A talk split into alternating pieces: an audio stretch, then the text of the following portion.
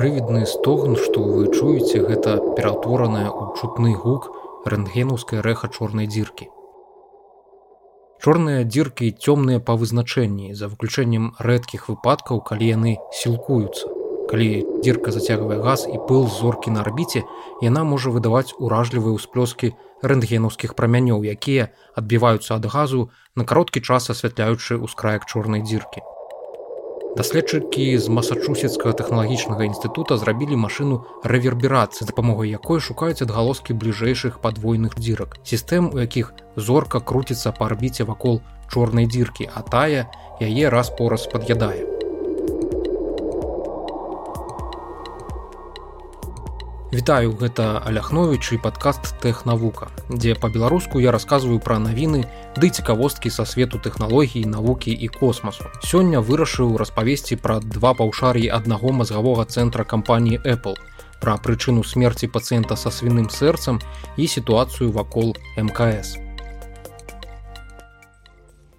У мінулым месяцы ў ЗША за аўтарствам журналіста The Times выйшла новая кніга. Яна прысвечана гісторыі бадай што самай уплывовай з сучасных і самай дарагой кампаніі ў свеце. Кніга завецца пасля сціва, як Apple стала кампаніяй на трыльён даляраў і страціла душу. Вялікая частка гэтай кнігі прысвечана гісторыі ўзаемаадносін двух паўшарыяў у гэтай кампаніі. левага, прагматычнага, механічнага, аперацыйнага, якім з'яўляецца цяперашні кіраўнік Apple Тимкук і правага мастацкага духоўнага хаатычнага, які сімвалізуе дакладней сімвалізаваў Джонні Айф, колішні дырэктар па дызайну Apple. У 19 годзе ён канчаткова пакінуў сваю пасаду. Здавалася, Айф ні з грушкі, ні з пятрушкі сышоў з кампаніі працу, якой прысвяціў больш за 20 гадоў. Але яшчэ з 16 -го года ён аддаліўся ад непасрэднай каманднай працы і толькі кантраляваў крэатыўную каманду. Пагутараўшы з двумя сотнямі цяперашніх і былых супрацоўнікаў Apple, сяброў і калег Айва журналіст Трып Мікл напісаў груасткае даследаванне на тэму таго, як левае паўшар'е Apple перамагло правае пасля смерці Джобса. На жаль, самой кнігі я яшчэ не чытаў і наўрад ці ў бліжэйшыя месяцы змагу яе набыць, але тое сёе з урыўкаў кнігі і асабістых даследаванняў фігуры Тіма Кука магу вам расказаць і айв і кук дужа цікавыя і уплывовыя асобы без якіх цяперашняя кампанія не магла існаваць якім бы таленавітым і не быў яе заснавальнік сціў джобс любоў айва да чыстых і простых ліній ужо перапісала свет праз такія папулярныя прадукты як аймак iPod і iphone кук зрабіў гэта магчымым дзякуючы яго талентам функцыянера перамоўшчыка і кіраўніка ланцужку паставак У 14 годзе Apple прадстаўляла першы новы дэвайс без свайго заснавальніка гадзіннік Apple Watch. Пасля двух гадоў распрацоўкі тысяч інжынерных гадзін і незлічоных дзён пакут над гнуткасцю скуры і трываласцю золата для смелага новага прадукту, кіраўнік дызайну кампаніі Джонні Айф быў уцягнуты ў дэбаты з кукам з высокімі стаўкамі. З нагоды самай прымітыўнай праблемы намёта тэнту Яны абодва хацелі новы хіт, але Айф дамагаўся, каб імпрэза была больш смелай за любую з тэатральнай гісторыі кампаній. Каб прыўнесці касмапалітычную бляску ў прыгарадны ландшафт гандлёвых цэнтраў, спадар Айф рэкамендаваў выдаліць два дзясяткі дрэў і паставіць шыкоўны белы намёт. За дрэвы трэба было заплаціць 25 мільёнаў даляраў. Гэта ашаламляльныя выдаткі але айф лічыў што поспех гадзінніка палягае ў тым каб пераканаць свет што гэта модны аксесуар. То бок э, рэцэнзія якога моднага часопіса вог куды важней чым меркаванне з самага папулярнага тэхнаблогера. Вялікі белы намёт гэта x100 да гламурнасці вечарыны што аддае паказа моды найвышэйшага класу Айв і кук сядзелі за адным сталом і вырашалі, як праводзіць прэзентацыю. Маркетолагі выступалі за больш традыцыйнае прадстаўленне прадукту. Увагу трэба засяродзіць не на тым, як выглядае гадзіннік, а на тым, што ён можа. Напрыклад, адсочваць трэніроўку або адказваць запясці на тэкставыя паведамленні. Кука палохала тое, што сыход духоўнага партнёра Джобса інвестары ўспрымуць панікай, а капіталізацыя кампаніі страціць больш за 50 мільярдаў даляраў. Нельга было перацаніць каштоўнасць айва для кампаніі. Кук з ім пагадзіўся. Пазней дызайнер называў гэту перамогу піравай. Гэта была першая вестачка таго, што айф страчвае падтрымку ўнутры кампаніі. З часам Джонні Айф усё болей наракаў на рост аперацыйных лідараў і змагаўся са зрухам увагі кампаніі з вытворчасці дэвайсаў тэхнікі на распрацоўку паслуг софта. Расчарваны ў Apple версіі Тіма Кука Айф сыдзе праз 5 гадоў. Яго сыход назаўжды зменіць расстаноўку сіл у кампаніі, якая доўга вызначалася вынаходлівасцю прадуктаў. Apple застанецца без аднаго з самых творчых мысляроў і рухаючай сілы сваёй апошняй новай катэгорыі дэвайсаў. Калі Джобс вярнуўся ў Apple у 97 годзе ён рэзка папракаў фірму. Звонку ён назіраў, як кампанія, якую ён аднойчы заснаваў, заігрывала з банкрутствам, пакуль не звярнулася да яго за паратункам. Што з вами не так прадукты адстойныя у іх ужо няма сексу Айв быў на гэтай першай сустрэчы са старым новым кіраўніком 5 год як ён працаваў у Apple на пасадзе лідара дызайнерскага гурту і Джобс лічыў што дызайнеры таксама адказныя за гэтыя праблемы. Ён збіраўся выгнаць айва а на яго месца запрасіць талент ну сусветнага класу адкульсьці звонку. Напрыклад якога-небудзь дызайнера італьянскіх аўтамабіляў. Але былы партнёр по арыгінальнаму камп'ютару макінташ хартмут эслінгер пераканаў захаваць існуючую каманду. Перед айвам пастала задача зрабіць хіт сеткавы кампутер арыентаваны на падключэнне да інтэрнэту прытым ён павінен быў быць джойфул то бок нешта футурыстычнае але і знаёмае каляровае і радаснае У выніку з'явіўся першы аймак у бліскучым сіне-зялёным адценні з паўпразрыстым корпусам і ручкай для пераноскі. Выглядаў ён як такі тэлевізор мяжы тысячагоддзя, з якога фантастычнага фільма. Кінескоп з электронна-прамянёвай трубкай пузаты экран ну секс адным словом. Паўпразрысты корпус каштаваў у тры разы даражэй, чым звычайны, але Джобс падтрымаў гэтыя выдаткі, Таму што гэта было важна для дызайну. Ён планаваў прадаваць кліентам рэвалюцыйны прадукт але на думку джобса быў адзін фатальны недахоп. Замест слота для кампакт-дыска у аймака быў латок. То бок з корпуса выязджала палічка у якую трэба было класці дыск. Прысутныя расказвалі аўтару кнігі калі вы ўжо забыліся што я тут распавядаю пра кнігу што джобс быў раз'юшаны і пагражаў адменай прэзентацыі айв змог яго заспакоіць у наступным пакаленні аймака быў ужо слот замест латка. З гэтага часу Айв стаў сапраўдным духоўным партнёрам Джобса і сустрэчы каманды, якія праходзілі ў прысутнасці Айва былі больш канструктыўнымі і менш раздражняючымі для Джобса. Абодва яны аддавалі перавагу мінімалісцкай філасофіі Keep it simple, а іх асобы ўраўнаважвалі адна адну. У той час як Джобс быў гаваркім, прамым і настойлівым, Айв быў ціхім, устойлівым і цярпялівым. Яны рэгулярна абедалі разам і Джобс амаль штодня наведваў студыю дызайну.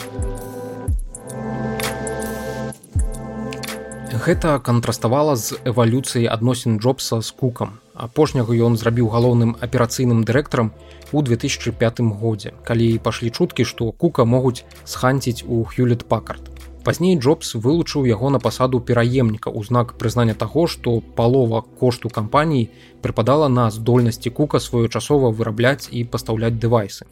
Кук прыйшоў у кампанію ў 98 годзе да гэтага 12 гадоў адпрацаваўшы ў IBM PC, дзе ў апошнія гады займаў пасаду дырэктара па фулфілменце. Там ён адказваў за працэсы, якія стартавалі з моманту афармлення замовы пакупніком і заканчваліся атрыманнем ім гатовага тавара. Склады, камплектацыя, апрацоўка, дастаўка і гэтак далей.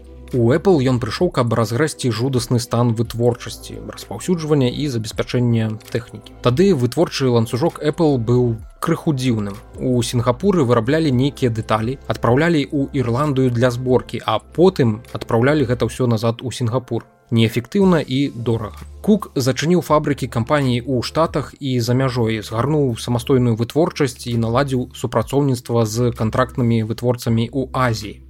Велізарныя заводы Факскон, дзе зараз збіраюць тэхніку Apple размяшчаліся побач з фабрыкамі пастаўшчыкоў кампанентаў. З пункту гледжання лагістыкі гэта было максімальна эфектыўнае месца. Таксама Кук перавёў склады на лагістычную канцэпцыю in time. Дэталі і тавары, прыбывалі на склады па вытворчым раскладзе у тых аб'ёмах якія патрэбны былі ў бліжэйшы час для вытворчасці ці пастаўкі ў магазин тэрмін абрачальнасці запасаў скраціўся з некалькіх тыдняў да некалькіх дзён. Тэрміны рэалізацыі складскіх запасаў на балансе капаніі паменшыліся скараціліся выдаткі.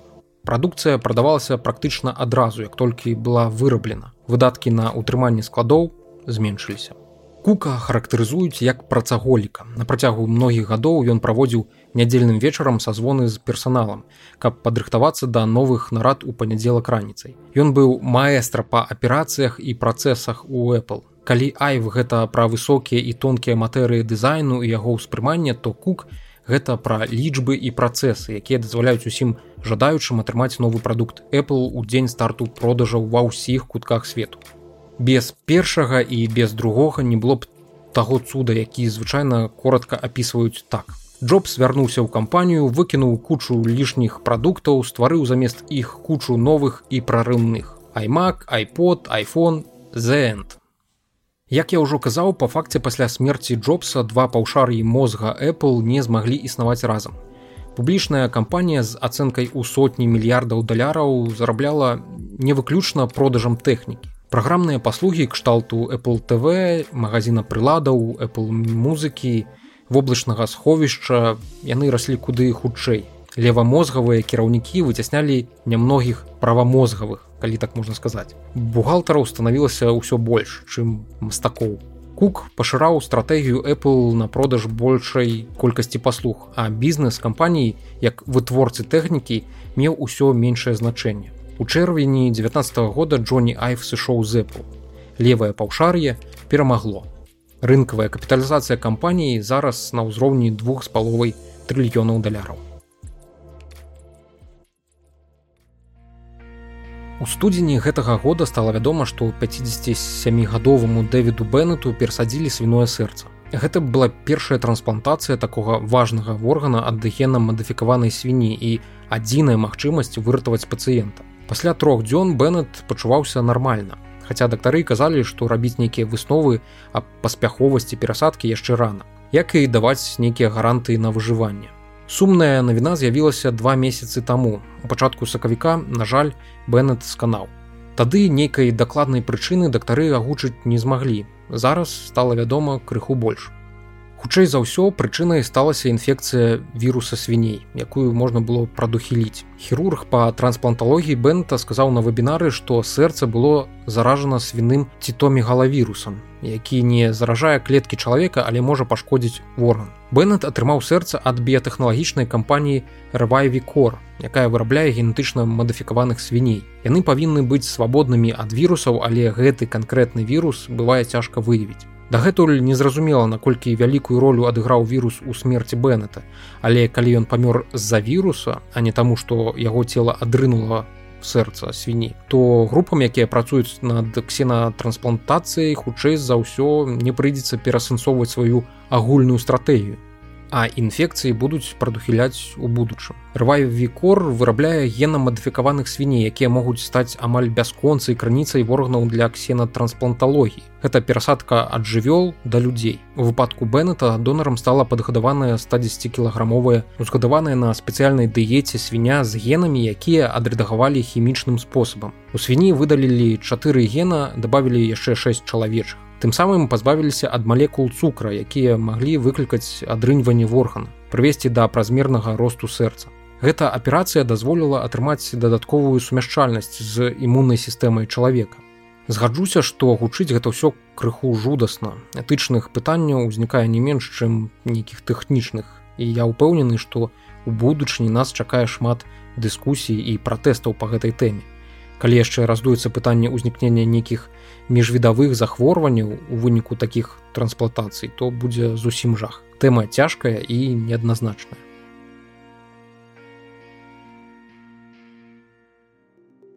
Пакуль Дмітрый Рагозін публікуе пагрозы ў тэлеграме ў бок Ілана Маска, кампанія SpaceX паспяхова вяртае на зямлю чатырох астранаўтаў з міжнароднай касмічнай станцыі. Для ўзбярэжжа Флорыды на тыдні ў ваду плюхнуўся карабель крю Драган. Ён вярнуў з МКС астранаўтаў, што ў рамках сваёй місіі прабылі там паўгода.